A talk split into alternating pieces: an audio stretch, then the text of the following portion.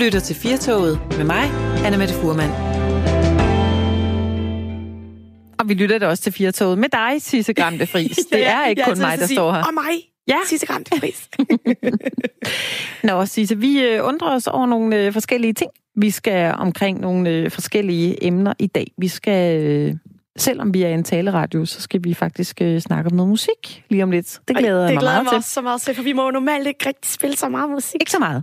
Der kommer heller ikke frygtelig meget musik, men øh, vi er nødt til at tale om det, fordi man hører jo også musik. Det er Klart. vigtigt. Øhm, så skal vi omkring noget øh, body shaming. Øh, hvordan vi har det med kroppe her i øh, 2019. Hvad er vi egentlig ligeglade med, hvordan vi ser ud, eller er det noget, der betyder rigtig, rigtig meget for os øh, stadigvæk? Og så øh, skal vi altså lige omkring det her med, at vi er mere og mere et pengeløst samfund, og det har fået nogle øh, alvorlige konsekvenser et sted på Fyn Det kommer vi nærmere så vil på. jeg ikke afsløre alt for meget. Men vi er jo også gået ind i vores øh, sidste øh, sendeuge i hvert fald for, øh, for øh, den her konstellation med dig og mig, og Ja. på onsdag kommer Alexander Bilslo Ransen tilbage. Øhm, der er der noget øh, juleferie på fredag for rigtig, rigtig mange danskere, og så derfor så tænkte vi, måske skulle vi øh, lave en julesang. Vi har jo før sunget her i Firtoget, og det, Det har har været rigtig, rigtig fint. Men øhm, Men vel egentlig Yes. mere sådan en slags årssang. Kan man ikke kalde den det? jo, Fordi jeg tror ikke, at, at, at der kommer så mange nisser med i den. Jeg tror mere, det er sådan alt det, der er sket i år 2019. Det er det. Ja. Ja. Vi skal synge på fredag, og øh, der vil vi altså gerne have dig, kære lytter, til at, at, at lige hjælpe os med det, fordi der er mange steder, øh, hvor man lige laver sådan en opgørelse på året, der er gået. Her på Radio 4 er vi jo ikke så gamle.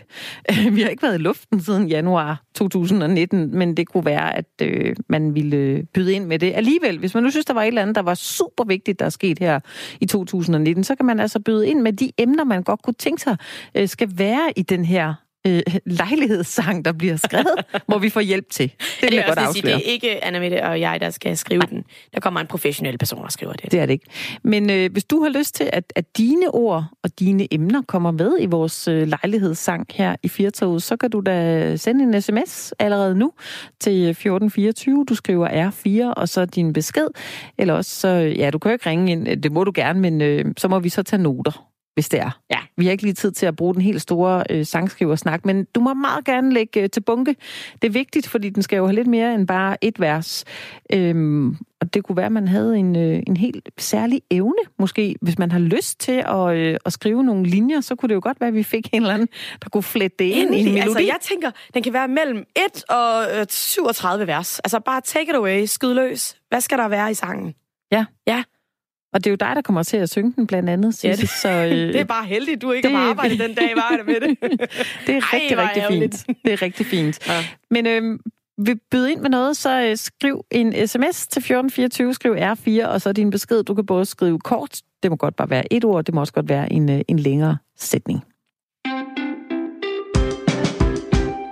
Og apropos dejlige sange, så skal vi tale om musik. Det er noget, jeg har glædet mig til, for det fylder jo meget i mit liv. Jeg ved, det også fylder meget i dit, Anna Mette. Det gør det. Øh, og det er jo sådan, at vi har undret os lidt her i Firtoget. Hvordan kan det egentlig være, at musikken betyder så enormt meget for os mennesker? Den er jo med til at definere vores højtider og særlige øjeblikke i livet. Men hvorfor? Hvad er det ved den, der gør den så vigtig for os? Hvad er det, der sker inde i os mennesker, når vi hører musik? Og det har vi to diskuteret også i dag, Anna Mette. Vi Det har ikke vi. finde noget svar. Vi, vi, vi Nej. kunne bare sidde og kigge på hinanden. Så derfor Ja, vi så kunne undre os. vi kunne undre os. Ja, det kunne vi. Vi kunne undre os. Så vi har inviteret en, en mand i studiet, som sidder lige her og smiler og ser rar ud. Og han er professor ved det Jyske Musikkonservatorium og Aarhus Universitet og ved meget om musik. Velkommen, Peter Wust. Tusind tak. Jeg vil gerne lige starte med at, at stille dig mit mest presserende spørgsmål. Og det kommer her. Hvad er det, der sker? Det vidste du nok godt, det gjorde. Det kommer her. Hvad er det, der sker inde i menneskehjernen, når vi hører noget musik, som vi godt kan lide? Uh, der sker en hel masse forskellige ting. Øh, Ja. Men hvis man skal komme med det korteste svar på det, så er det, øh, så handler det om den neurokemiske balance i hjernen. Blandt andet. Oh. Og noget af det, vi ved meget om, det er øh, det stof, der hedder dopamin. Det er et af rigtig mange øh, neurotransmitter, altså signalstoffer i vores hjerne.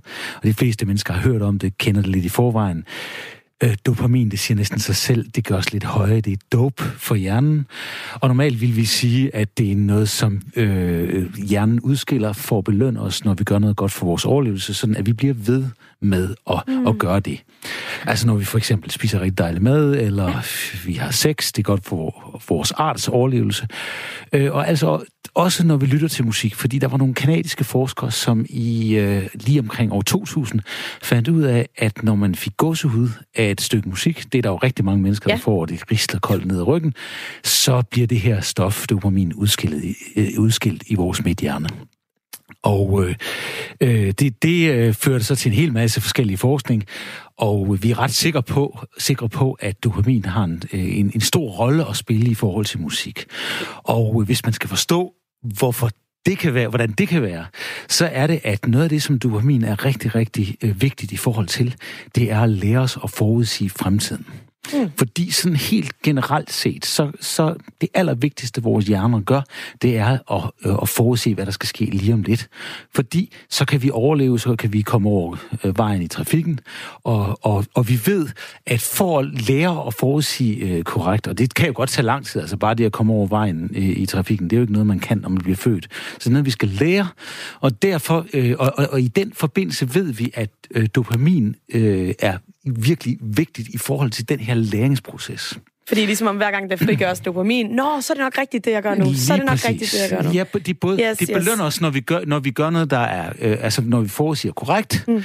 men det belønner os også, når vi forudsiger forkert, men vi finder ud af, at det er ret fedt, det, som vi så ikke kendte i forvejen. Fordi så kan vi også lære noget nyt. Og det ved man fra sådan en hel masse abeforsøg, hvor man har lavet nogle meget, meget simple forsøgsopstillinger. Det er ikke så simpelt at lave, fordi man skal stikke elektroder ned i hjernerne på levende aber. Uh, det så det, det, ja, det, det, det, det, er ikke så godt. Du behøver ikke sige af, fordi det gør ikke ondt i hjernen. Men, det, øh, men, hvad gør det? på mig. Men, øh, men den, altså, den, den har ikke så godt af, det er ikke godt for dens overlevelse. Hmm. Øh, så, så, så, så man har lavet de her forsøg med de her aber, og der kan man se, at, øh, at øh, de lærer, de, de, altså dopamin bliver udløst, når de lærer at øh, forudsige korrekt. Øh, nogle gange, så kan jeg godt øh, falde i sådan et hul på YouTube, hvor jeg kommer til at, at se nogle sjove dyr, der danser. og der, øh, der er særligt øh, papegøjer nogle gange virkelig morsomme at kigge på, fordi de begynder at rokke med hovedet og baske med vingerne, når der kommer noget musik. Altså, har de samme udskillelse af dopamin? Eller øh, er der bare et eller andet øh, beat, der kører på en frekvens, de kan mærke, vi ikke kan mærke? Ikke, og det er meget få af dem, der gør det. Ja. Øh, det er nogle ganske bestemte, øh, og man har sikkert også lært dem. Det tager ret lang tid for, for dyr at lære det, og Okay. Og dyr øh, er grundlæggende rigtig, rigtig dårlige til at holde rytmen, sjov nok. Altså noget, som er meget simpelt for selv, altså selv meget små børn, de lærer jo, det ved vi alle sammen, der har haft børn, når de hører musik, så bevæger de sig til det, Øh, det gør dyr simpelthen ikke. Nej. Altså, vi, vi kender ikke nogen dyr, der gør det af sig selv rigtigt. Øh, men, men, altså, men det virker jo meget simpelt for os, men det er ikke så simpelt for, for dyrene. Og de der papegøjer, selvom de er sjove at se på, og de ser også sådan lidt heavy-agtige ud. Altså, de, ja. de, kan, altså, de kan virkelig de, give den gas. De ja. headbanger faktisk. Mm. Øh, men øh, man, man så på den der YouTube-video, så kunne man faktisk se, at der stod en forsøgsleder, øh, eller der stod en, en hvad hedder det, øh, et menneske og bevægede sig i takt til musikken samtidig med den der pa- ja. papegøje. Og vi tror faktisk nok, at øh, det er meget af det, der gør, at den bevæger sig til musik. Ja. Okay. Det vi talte om uh, tidligere her i dag, det var det der med, hvorfor kan nogen lide klassisk? Hvorfor kan nogen lide heavy? Hvorfor kan mm. nogen lide pop? Hvorfor kan man lide rock? Hvad er det lige, der gør det? Og uh, vi må jo ikke spille vanvittigt meget musik, men uh, jeg vil gerne lige spille tre uh, udsnit af tre forskellige genrer for dig nu, Peter. Så skal ja. vi lige høre, uh, hvor hun ligger begravet med de stykker musik.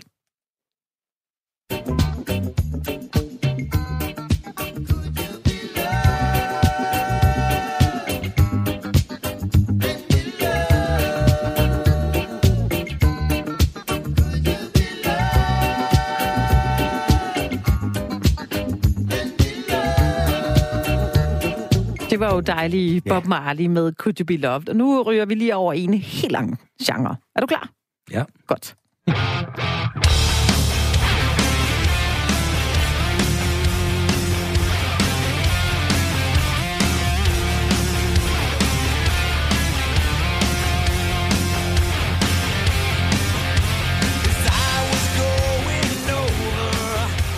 Det var lige lidt hårdere. Og nu, øh, for vi ikke hænger alt for meget i fast i det, så skifter vi øh, gear igen.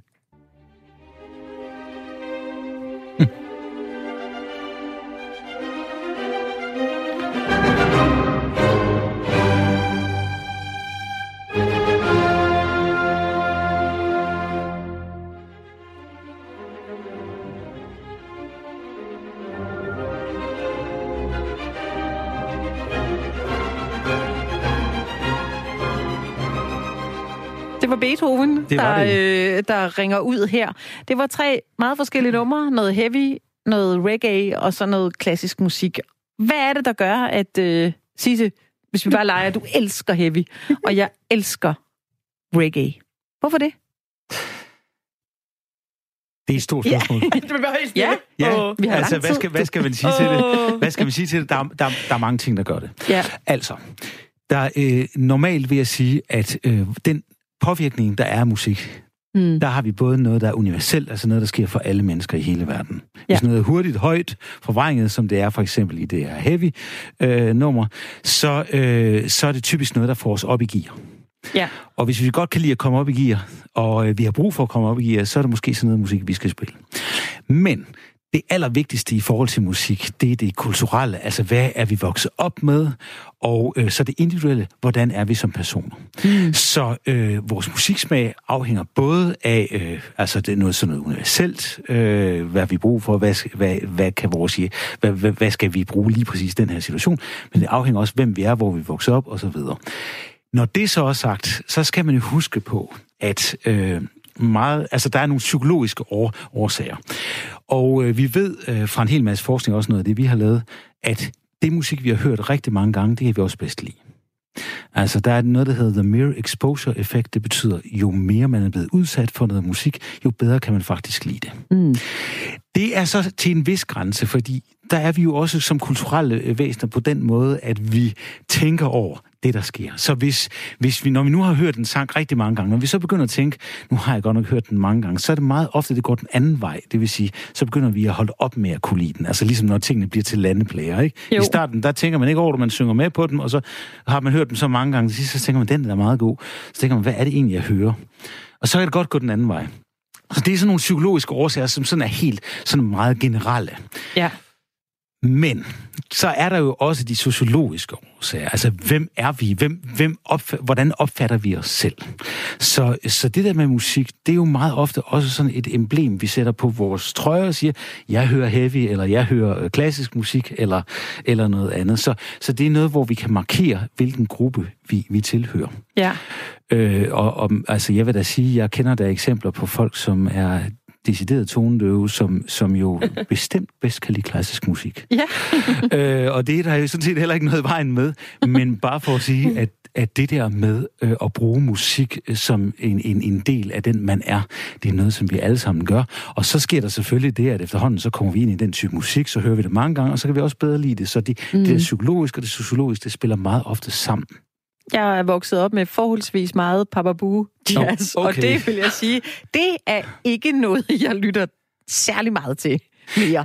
Så der lavede jeg måske sådan en, øh, på et tidspunkt, da jeg var barn, og tænkte, nu, nu kan jeg simpelthen ikke klare mere af det her jazz. Nej, Hvad, tror du, det er det, der Jamen, sker? ved du hvad, jeg, jeg, jeg har jo præcis den samme historie, bare lidt omvendt. Jeg voksede op i et hjem, hvor vi kun hørte klassisk musik, Ja. og som et led i at definere mig selv som tilhørende en anden gruppe end mine forældre, Så. så kunne jeg ikke lide klassisk musik. Det er det. Hvad så i dag? Altså, Ja, jeg kan rigtig godt lide klassisk Ja, musik i dag, ja. så jeg kan lide Ja. ja. fantastisk mange typer musik. altså, jeg kan huske, da jeg var barn, så øh, satte jeg selv på p- pladespilleren, satte jeg Pink Floyd The Wall på. Ja. Og jeg kan huske, at jeg elskede alle de der øh, øh, money, alle de der øh, raslelyde med pengene og alt det der, og bare dansede rundt og lavede sådan et eventyrunivers i det. Og det vil jeg sige, jeg har aldrig stoppet med at høre Pink Floyd. Det kører stadig, næsten dagligt. Og der er fantastisk. så en anden ting i forhold til musiksmag, fordi ja. vi bliver øh, først og fremmest påvirket i forhold til vores mu- musiksmag, når vi er unge. Altså, øh, fra, altså der i, i ungdomsårene, cirka altså et gennemsnit på t- 13 øh, og et gennemsnit på 14, altså et gennemsnit på 13 for kvinder og et gennemsnit på 14 år øh, for mænd. Det er der, vores musiksmag ligesom er øh, bliver, bliver grundlagt, sat eller? fast. Nå, bliver sat spændende. fast på en måde. 13-14 år, så hvis vi vil påvirke vores børn, her taler vi om mig, Ja. så er det altså nu, hvis jeg Ja, har en, er der det. bliver 13, Men så jeg er skal ikke jeg... sikker på, at det hjælper. Altså, Ej, Anna Mette, det er nu, du slår til. Men det er virkelig ja. interessant, når man ser de her, der er sådan nogle, nogle interessante øh, undersøgelser. Der er ligesom, man kan se, at øh, der er det der, selvom man er blevet 40 år, så kan man gå simpelthen øh, cirka 30 år tilbage, så kan man se, så det, det er der, det svarer til vores musiksmag. Det er da fuldstændig rigtigt, nu du siger det. Mm. Ved du hvad, hvis jeg backtracker, så sad jeg med min lille båndoptager og optog øh, den der, der hedder Words Don't Come Easy, og nu kan jeg ikke huske, hvem det var. øh, og det var min yndlings, og den er der så 80'er, som noget kan være, men skal jeg virkelig ind et sted, hvor jeg har det rigtig rart, så er det i 80'er-musikken. Det er da meget sjovt. Ja, men så er det sjovt nok, så er der faktisk et bump til igen 30 år tidligere igen. Og det, øh, det, det er så vores forældres øh, musiksmag, som alligevel har snedet sig ind, fordi vi har hørt det så meget, selvom vi måske har reageret Ja, ja, ja. Savage Rose, C.V. Jørgensen, ja. Paul Krabs, så nogen som os. Det har jeg bare fået ind med modermælken. Men jeg synes faktisk, lidt i tråd med det, vi snakker om nu, så vil jeg gerne spørge dig, fordi ej, det har du måske næsten svaret på, men jeg har lyst til at spørge alligevel. Der er noget musik, som for mig, når jeg hører det, så bliver jeg bare nærmest sat ind i en rumraket og skudt tilbage til et bestemt tidspunkt ja. af mit liv. Jeg kan føle hele kroppen, hvordan jeg havde det, da jeg hørte den musik. Mm. Hvad er det, der foregår i min hjerne, ja, når det sker? Det er jo sådan, det er jo sådan at vores, øh, altså, vores hjerne øh, kan jo en hel masse forskellige ting. Men en af de ting, det er, at de kan lære, og vi, vi kan huske forskellige øh, ting fra vores fortid. Og øh, en meget vigtig, to vigtige strukturer i forbindelse med det, det er en lille, øh, øh, lille kernedyb nede i hjernen, der, øh, der hedder hippocampus. Det er den, der indkoder hukommelsen og afkoder den igen. Hippocampus, det hedder den, fordi det er en søhest, altså den har form ligesom en søhest. Og oven ovenpå den, der sidder der en anden kerne, som hedder amygdala. Og øh, amygdala, det hedder den, fordi det er den mandelformede kerne. Så I skal forestille jer en, en, en mandel ovenpå en søhest. Nemt. Kan og, nemt forestille mig. øh, men det, der faktisk er interessant, det er, at vi husker bedst de ting, som er, har en følelsesmæssig tilknytning. Og der mener vi, vi har en følelsesmæssig øh, oplevelse igennem. Og øh, der mener man altså, at øh, amygdala er den, der koder det følelsesmæssige, og så koder øh, øh, hippocampus, hvad hedder det, øh, hukommelsen ind der. Og nu kommer vi til svaret på de spørgsmål. Det er spændende. Øh, når vi har haft en rigtig, rigtig stor oplevelse i vores liv, så, øh, så husker vi det også meget, meget stærkt. Og hvis vi for eksempel har haft en meget stor følelsesmæssig oplevelse samtidig med, at vi har hørt et stykke musik, så vil vi også typisk, når vi så hører musikken, så vil der ske en betinget øh, refleks, så vi rent faktisk øh, øh, kommer, bliver sat tilbage, så øh, den her, det her stykke musik bliver koblet til den her hukommelse, så vi husker den her oplevelse, vi havde, mens vi hørte det her musik. Vi kalder det faktisk Honey, They're Playing Our Song. Ah, øh, syndrom. og, og det er jo det der med, at man, man måske har det første gang, man øh, dansede tæt med en, med en pige, øh, så, så øh, spillede de en bestemt type musik, og så når man hører den musik igen, så øh, husker man på den der oplevelse. Ja. Jeg havde det faktisk øh, utrolig dårligt, da jeg var gravid med mit barn nummer to. Okay. Og der var mit barn nummer et i en alder, hvor han så rigtig meget gurle gris. Øh, og øh, altså gik lang tid før, at jeg kunne høre øh, titelmelodien fra Gurle Gris, uden at jeg fik decideret kvalme. Altså, jeg fik det øh, nærmest fysisk dårligt. Det, det kan det, jeg sagtens forstå. Og den har hængt ved længe. Det, det er simpelthen det er derfor, jeg, jeg lytter ikke til musik, når jeg løber, for eksempel, Nej. fordi det gør så ondt at løbe, så derfor vil jeg nødig have musikken ødelagt. ja, så skal man måske lige vælge lidt med omhu, det der, hvis man har det dårligt. Pointe. Hvis der er et band, man er rigtig, rigtig glad for, og man pludselig får kærestesover, ikke, ikke, ikke lyt til det band så. Præcis, men lidt i tråd med det med kærestesoverne, fordi jeg kan også godt tage mig selv i at være sådan lidt øh, søge den der lidt sørgelige, melankolske og sådan dvæle i det. Og det har jeg faktisk tit tænkt, hvorfor synes jeg, det er fedt at sidde i en bus og se ud på regnen og bare høre Radiohead, altså. Ja, men det er jo fordi, øh, sandsynligvis, eller den bedste forklaring, vi har på det, det er, at øh, øh, musik kan jo det der med at skabe nogle følelser hos os. Også nogle følelser, som vi måske ikke øh, bryder os så meget om. Men mm. det er sådan et helt ufarligt sted at opleve de her følelser. Vi har jo alle de der følelser, så musikken er en måde at komme af med den på. Så når vi for eksempel øh, er, er rigtig kede af det, og lytter til noget musik, så, så, øh, så, så er det sådan et sikkert sted. Og samtidig føler vi også, at når jeg, jeg er ikke den eneste, der har de her kærestesover. Ikke? Og det er jo måske helt ned til grundlaget af, hvor vi overhovedet har musik. Mm. Det er, at musik er noget, der gør det muligt for os at opleve øh, andre menneskers følelser, og, og opleve de samme følelser i en større gruppe af mennesker. Nu bliver jeg lige nysgerrig, fordi du sagde det der med, at man kunne øh, lige tage tiden 30 år tilbage, mm. og så øh, tænke på, hvad man øh, kunne lide at høre den der gang at man var omkring 10 år gammel. Øh, hvordan kan det være, at så øh, mine to børn er vokset op med de samme forældre, øh, der er blevet spillet nogenlunde sådan den samme slags musik. Hvorfor vælger den ene øh, den ene slags musik, og den anden noget andet musik? At det må vel så være en personlighedsting for dem? Det, det kan sagtens være en personlighedsting. Vi lavede en undersøgelse for et par år siden, hvor vi så på alle øh, de konservatoriestuderendes øh, musikvaner, og okay. øh, vi testede faktisk, hvilken personlighed de havde, hvor hvor øh, vi, vi havde sådan en skala, vi gik efter, hvor øh, grænsesøgende en personlighed har man. Ja. Og jo mere grænsesøgende en personlighed, altså nogen, der hoppede bungee jump og den slags ting, jo større sandsynlighed var der for, at de var på rytmisk afdeling. Det vil sige, at de spillede rytmisk musik. Okay. Hvorimod, hvis man lå lavere i den skala, så var det typisk øh, klassisk musik. Og der var faktisk en ret stor forskel på de to typer af musik. Ja. Så det handler også noget om, hvem, hvem man er. Men i forhold til dine børn, er det sandsynligvis også meget noget med, at de har haft forskellige øh, oplevelser, grupper, de skulle tilhøre, og nogle grupper, de ikke skulle tilhøre. Så ja. bliver det skabt gennem det der. Altså jeg kan huske mine to drenge, dengang de, øh, før de gik i skole, eller øh, kom i skole, så øh, hørte de alt musik. De var ligeglade, de var bare glade for musik. Ja. Men øh, da de så kom i skole, så var det kun lige en bestemt type musik, og det var i hvert fald ikke det, som pigerne de kunne lide. Nej. øh, så der sker jo noget der, ikke? Ja. Eller det far har hørt, lyder de det er ikke. Ej, de må være forholdsvis uh, tvangsindlagt til at høre alle mulige ting hjemme ja, i dit hjem. men jeg var meget forsigtig, fordi jeg havde haft den ja. der oplevelse med mine egne forældre, så ja. jeg, jeg lød være med at ligesom uh, pådute noget, min egen musik. Okay, og det gør du stadigvæk ikke, eller hvad? Og så pludselig en dag, så kom de hjem og sagde, åh, jeg har hørt sådan en fed plade med ham der, der hedder Paul Simon udmærket. Oh. Ikke? Så, var, så var jeg jo glad. så skal man så nedspille det der. Det var lidt svært. Det Men, synes jeg er sejt. Det sjoveste spørgsmål næsten, jeg har fået fra en af mine børn, var, at de sagde, ham der Michael Jackson, var han egentlig kendt? Ej, hvor er det skønt. Ja, lidt. En lille smule kendt, bare han lov. I storbyerne. ja. Ikke i Jylland. Nej, ikke i Jylland. så øhm, nu når der er øh, så meget julemusik, det lyder jo, øh, synes jeg, det ofte ret ens. Altså, man komponerer en julesang, man, man, man får jo nogenlunde samme stemning. Altså, ligger der simpelthen sådan en øh, trætrinsraket, det her, det her, det her, det her, skal vi lige have med i et julenummer, før at så er den ged barberet. Jo, altså, der er jo hvad? sådan en juleformel, det kan man godt sige. Der er jo nogen, der hader julemusik, og så er der andre, der virkelig elsker den. Altså, de fleste har jo nok et had-kærlighedsforhold til det. Jeg synes jo, ja. der er faktisk, hvis man øh, dykker lidt ned under overfladen, så er der utrolig meget sjovt julemusik. Jeg hører meget julemusik ja. i den her måned. Ja. Selvom lige i starten af måneden, så tænker jeg, åh oh, nej, skal vi til det igen? Ja. Og så kommer, de sniger sig ind på mig alligevel. Ja. Og så er du vipper med foden. Der er en formel. Altså, øh, eller der, der er i hvert fald nogle ting, man skal have med. Man skal have nogle real lyde, nogle kirkeklokker, noget jingle bells, noget andet, der, der decideret minder os om, om jul. Ja. Og så skal man sørge for, at der er noget virkelig trygt i de her numre. Og det er nok derfor, du synes, det lyder som en stor grød. Men hvis de skal blive ved med at blive spillet, fordi det er jo det, øh, man virkelig gerne vil. Man vil gerne have, at de kommer frem hvert år. Hvis man først bliver en juleklassiker, så er ens vej til Kodasjekken jo, jo banet. Ikke? Det er det. Så, så, så, så skal man sørge for, at der er noget, der er varieret, så man ikke kan huske det fra år til år.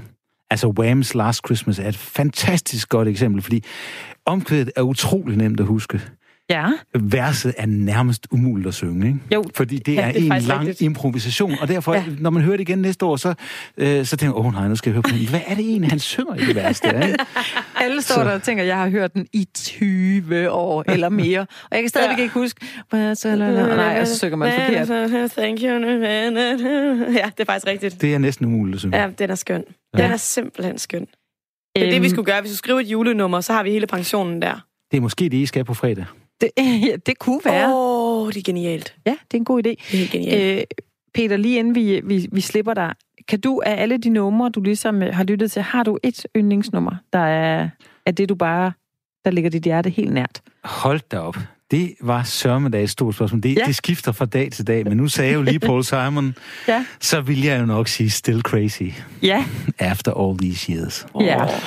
Det er Ej, da også det et dejligt er også et godt stykke musik. Det er også en dejlig tekst. Ja, ja. skønt. Men øh, det lyder som om, at du, øh, du er ret bred spektret inden for musik. Du lytter til hvad som helst, men du kan også godt lide julemusik. Jeg kan også godt lide julemusik, ja. Ja, ja. fantastisk. Ja. Jamen øh, tak, fordi du øh, kom forbi og, og gjorde os klogere på den slags. Det er lige før, man har lyst til at spille rigtig meget musik lige nu, men det kan ja, vi jo altså ikke. det havde været en perfekt afslutning, kan du have en, øh, en fortsat glædelig december? I lige måde. Hej. Hej. Du lytter til Radio 4.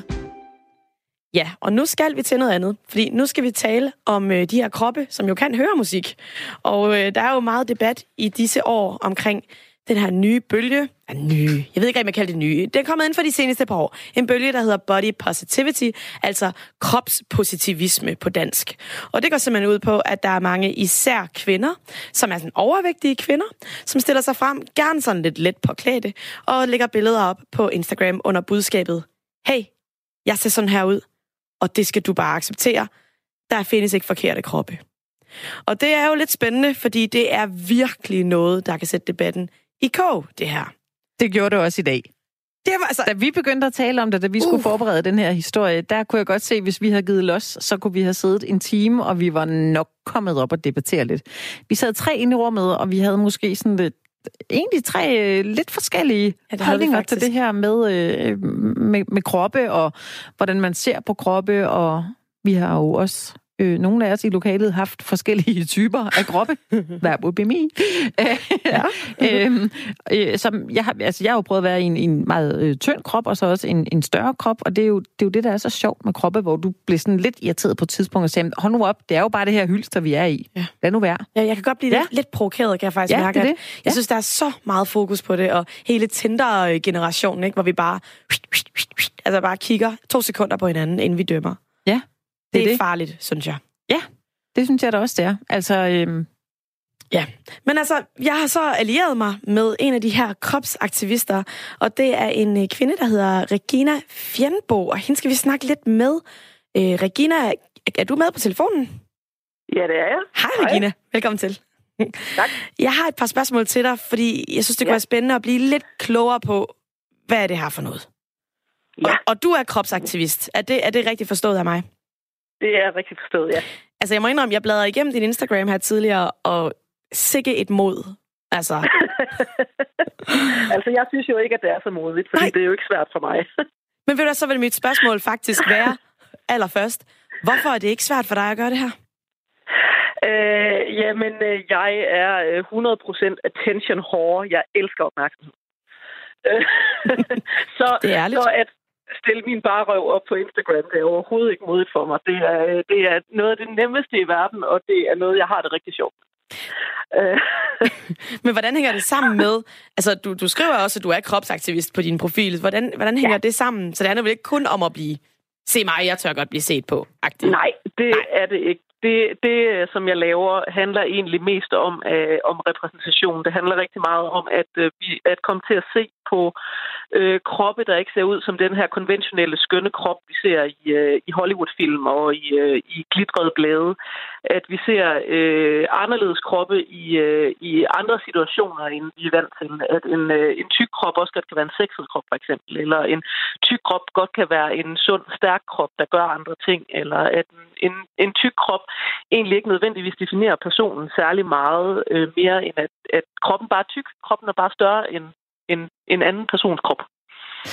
I dag var, øh, var det første gang, jeg kom forbi din Instagram-profil og så de her billeder, hvor du på nogle af billederne, mange af billederne, faktisk ikke har ret meget tøj på.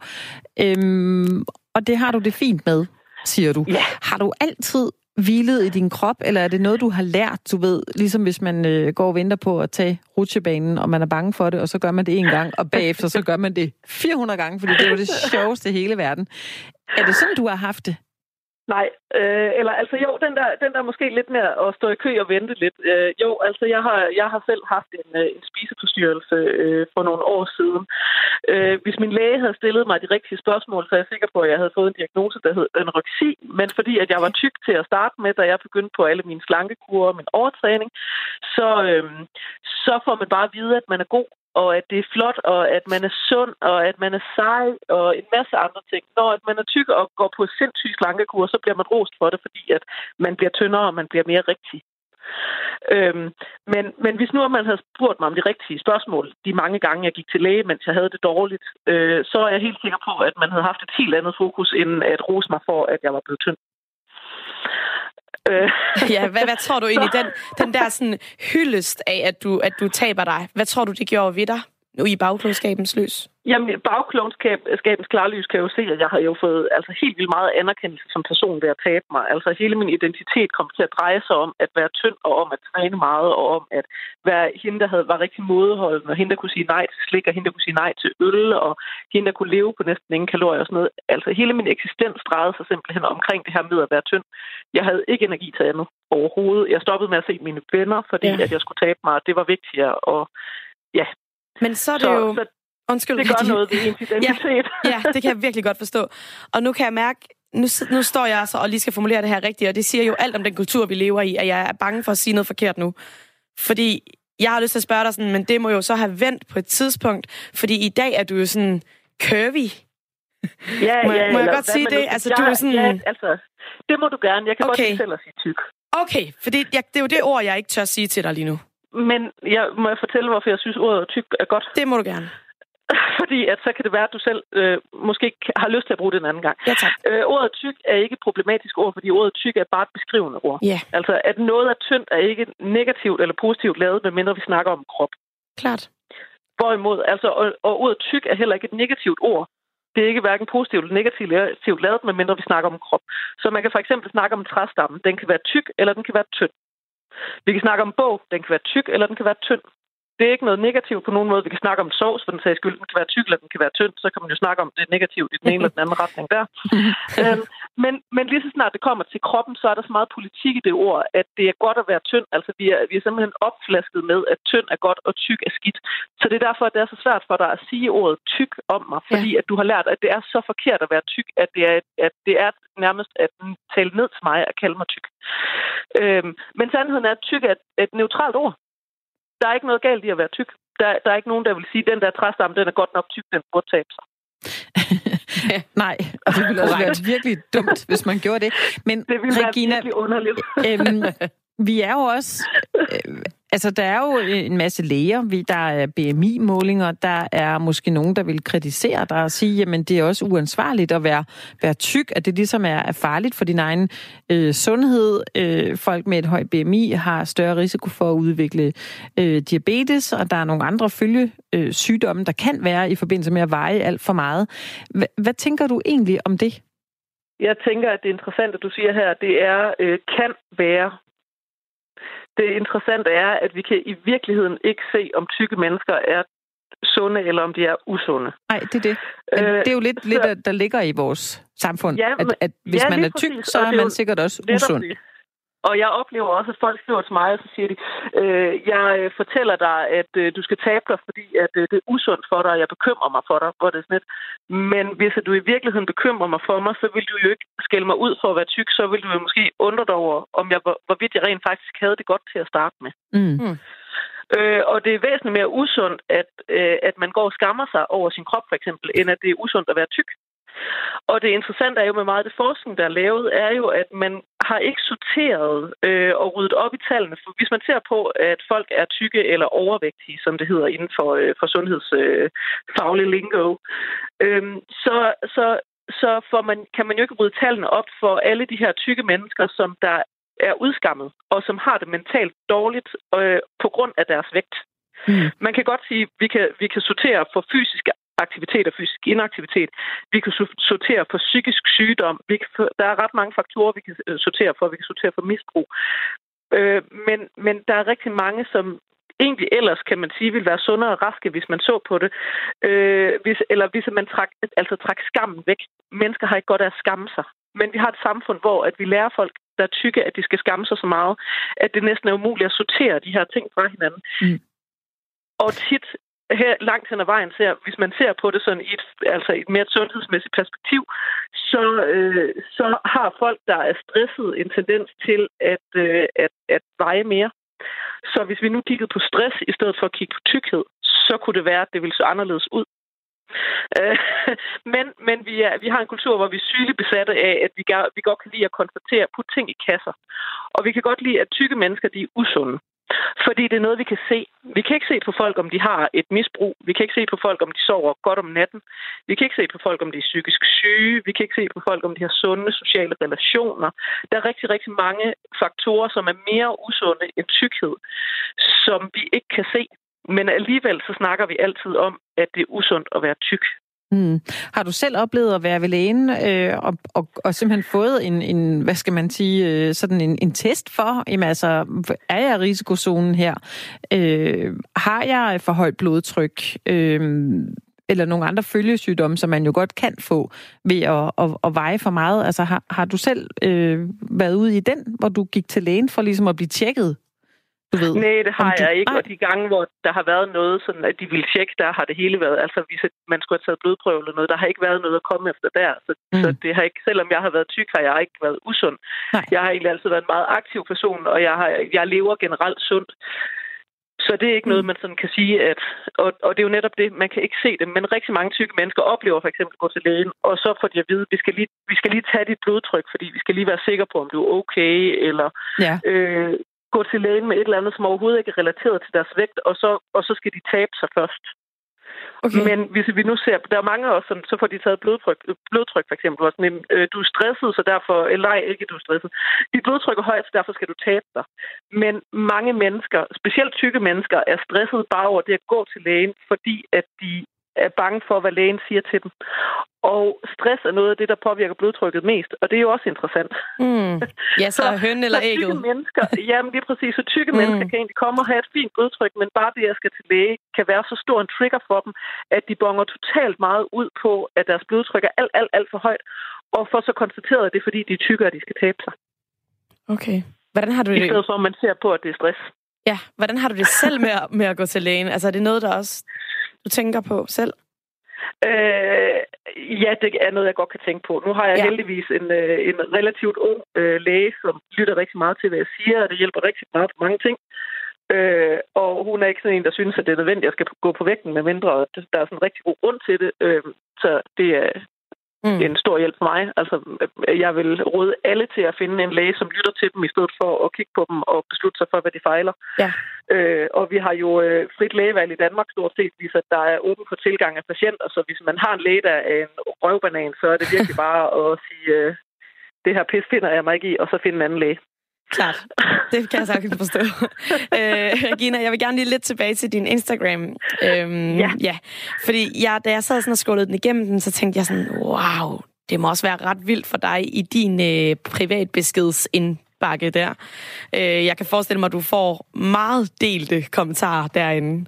Både meget positive, men også meget negative. Jeg ved ikke, om jeg har ret i det.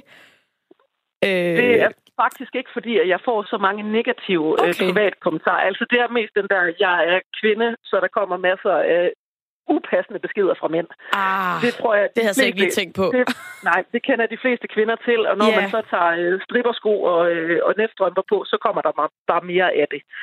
Yeah. Øh, det er sådan den negative side af det. Det er meget lidt fatshaming, jeg egentlig oplever dem indbakke. Mange af dem, der fatshamer, de gør det simpelthen direkte på beskeder i stedet for. Oh. Øh, at, at, så går de simpelthen direkte i krig med et opslag, når det er. Øh, og hvor jeg har det sådan, prøv at høre, det er faktisk fint. Det er okay for mig, at, øh, at vi tager den her up front, øh, og jeg plejer egentlig gerne at overøse folk med kærlighed, når det er, fordi at jeg ved godt, det ikke handler om mig, når folk bliver sure på, at jeg er tyk. Ja. Det er meget storsindet. Altså, jeg kunne bare forestille mig, hvis det var mig, at jeg ville have svært ved sådan at, at adskille det på en måde.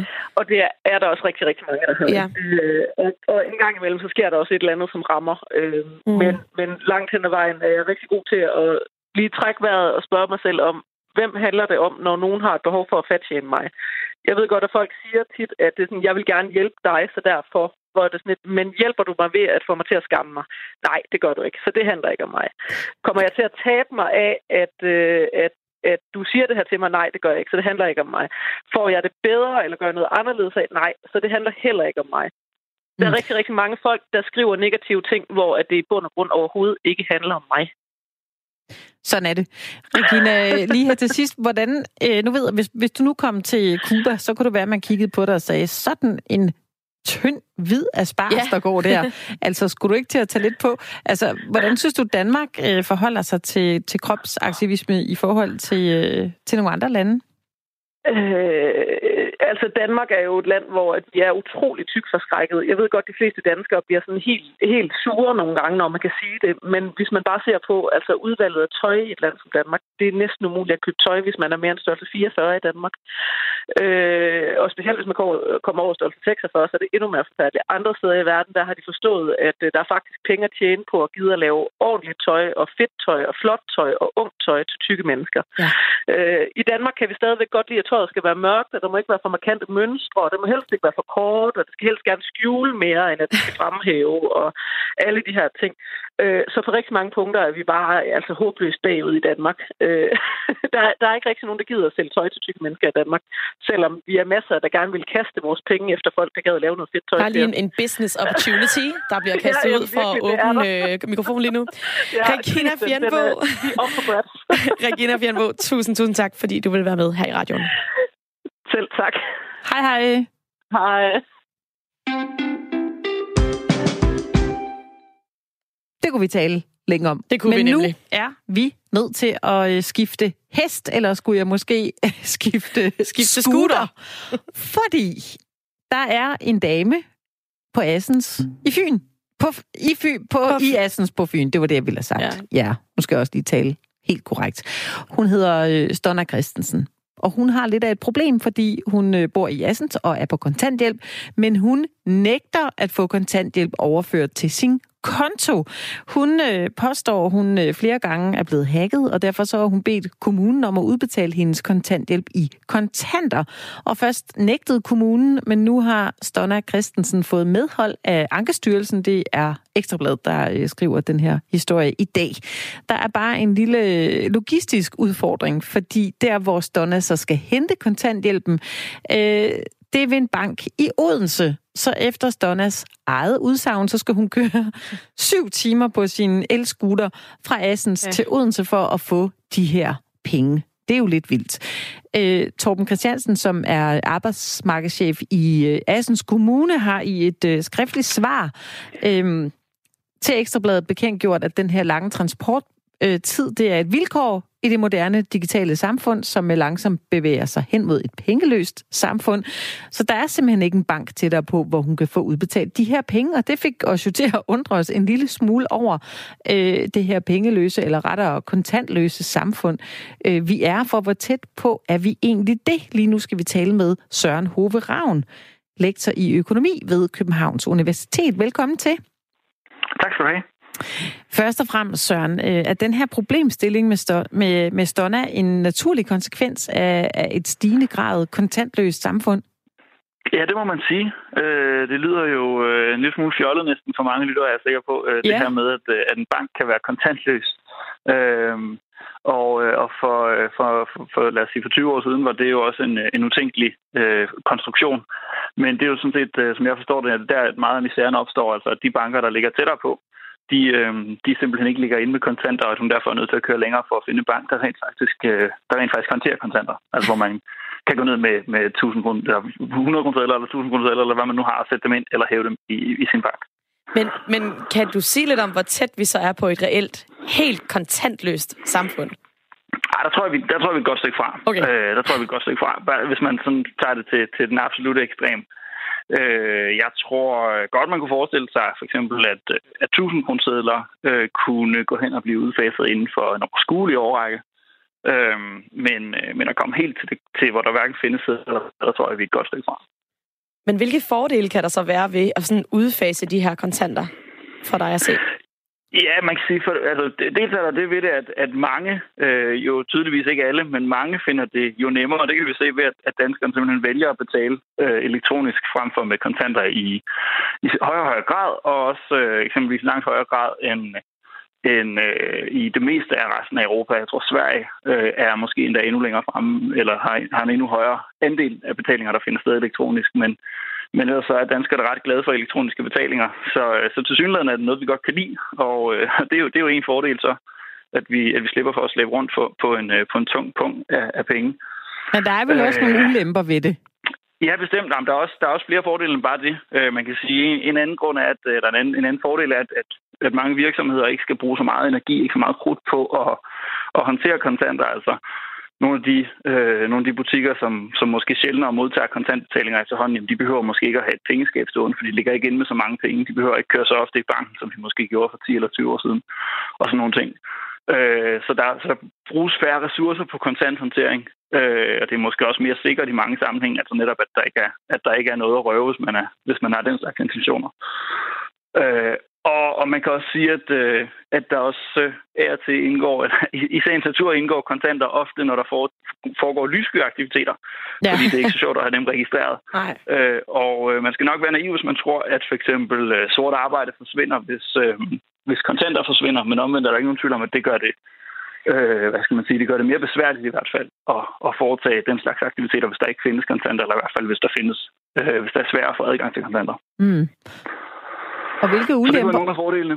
Ja, og der er jo nogle ulemper. Ja, det må man sige, og I har selv fundet, fundet en af dem her. Altså, hvis vi prøver at løfte det op på den mere generelle plan, så kan man sige, at øh, det er jo en, en betydelig ulempe, at man... Øh, altså for de, for de mennesker, der ikke har tillid til, enten har tillid, eller måske andre årsager har mulighed for eller lyst til at, øh, at foretage elektroniske betalinger, eller i det hele taget elektroniske, øh, altså at være elektronisk, elektronificeret eller digitaliseret. ja.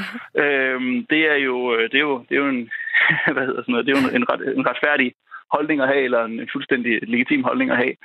Øh, det kan være, at man, det, det er måske ofte noget, vi ser blandt de lidt ældre dele af befolkningen, men ikke kun. Øh, at der er måske mennesker, der, der simpelthen foretrækker at have kontanter i hånden frem for det her, og måske heller ikke har mulighed for øh, lige at gå ind på deres, øh, på deres netbank eller, eller andet i den stil. Præcis. Altså, jeg synes tit sådan... Undskyld, øh, sådan, men i mit, eget, i mit eget netværk, der kan jeg godt høre sådan fra de lidt ældre i min omgangskreds, yes. at de, de kan godt gå lidt i panik over det. Præcis. Ikke som om det ikke er nok, at man skal ind på e-boks og finde ud af alt muligt. Og sådan, Åh, hvor meget må de trækker, og jeg tør slet ikke købe noget over internettet, for så trækker de jo bare et Nemlig. eller andet. Eller sådan, ja. så... Nemlig, så man, og det er jo, det er jo kan man sige, et godt argument for, ja. at man i hvert fald skal ikke rulle det her frem for hurtigt, altså sådan, så befolkningen kan følge med. Ikke? Fordi det, det er fint nok, at der er er nogen, der er glade for det, og det kan vi se, at der tydeligvis er, som sagt, ret mange, der er. Øh, men der er jo altså så også nogen, der, der ikke er specielt begejstrede for det, og derfor må man jo rulle det ud i et tempo, som, som gør, at, øh, at alle føler sig, hvad skal man sige, inkluderet i det. Ja. Så det er en ting, der i hvert fald er værd at, at have i baghovedet. Den anden ting er selvfølgelig hensynet til vores allesammens privatliv. Øh, forstået på den måde, at, øh, at øh, hvis du godt kunne tænke dig at gå ud en aften med nogle venner og, og Ja. Vi Hallo? ved ikke. Jeg tror lige, jeg, var, jeg mistede lige forbindelsen. Kort men det er helt okay. Vi er her endnu, øh, Søren. Det er godt. Det jeg vil sige var, hvis, øh, hvis du godt kunne tænke dig at gå ud med nogle, øh, med nogle venner en aften og betale et par runder og fejre et eller andet, du synes, der er værd at fejre, så øh, kan det være meget rart at gøre det uden nødvendigvis, at din, at din bankrådgiver så at sige kigger dig over skulderen. Og det kan du jo gøre ved at gå øh, i din bank om, øh, om fredagen og hæve en 1000 kroner og, øh, og så er der ikke nogen, der kan se, hvad du bruger den på. Hvorfor har jeg aldrig nu? tænkt over det? Helt ærligt, det har aldrig strejfet mig. Jeg har bare altid tænkt, åh, nu kan de bare se, der er trukket 550 kroner ind på Crazy Daisy.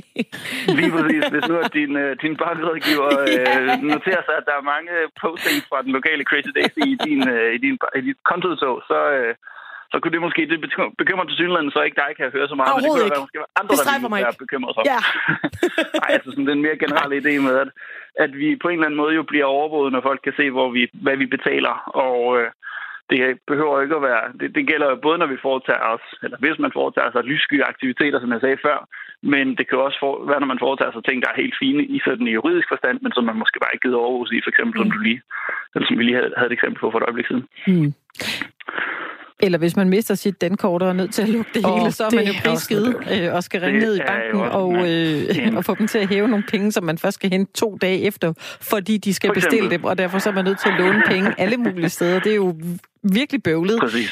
Præcis. Og nogle gange er der jo bare situationer, hvor det er smart, hvis man står i et eller andet, hvis man er ved at købe en bakke jordbær ud på øh, et sted langt ude på landet, hvor der ikke lige er mobile pay dækning, og der er ikke nogen, der har en dankort-terminal, så er det jo meget smart bare lige at have en, en flad 20'er, man kan, man kan lange over disken. Ja. Hvem har lige nu størst interesser i, øh, i et kontantløst samfund? Øh, jamen, man kan sige... Altså, grundlæggende så afspejler det jo den, vores, vores allesammens... Øh, altså, bevægelsen her afspejler jo grundlæggende vores, vores allesammens sådan, holdninger, forstået på den måde, som jeg sagde før, at det er jo noget, vi vælger. Vi kunne jo øh, vi kunne godt vælge at insistere mere på at betale med kontanter.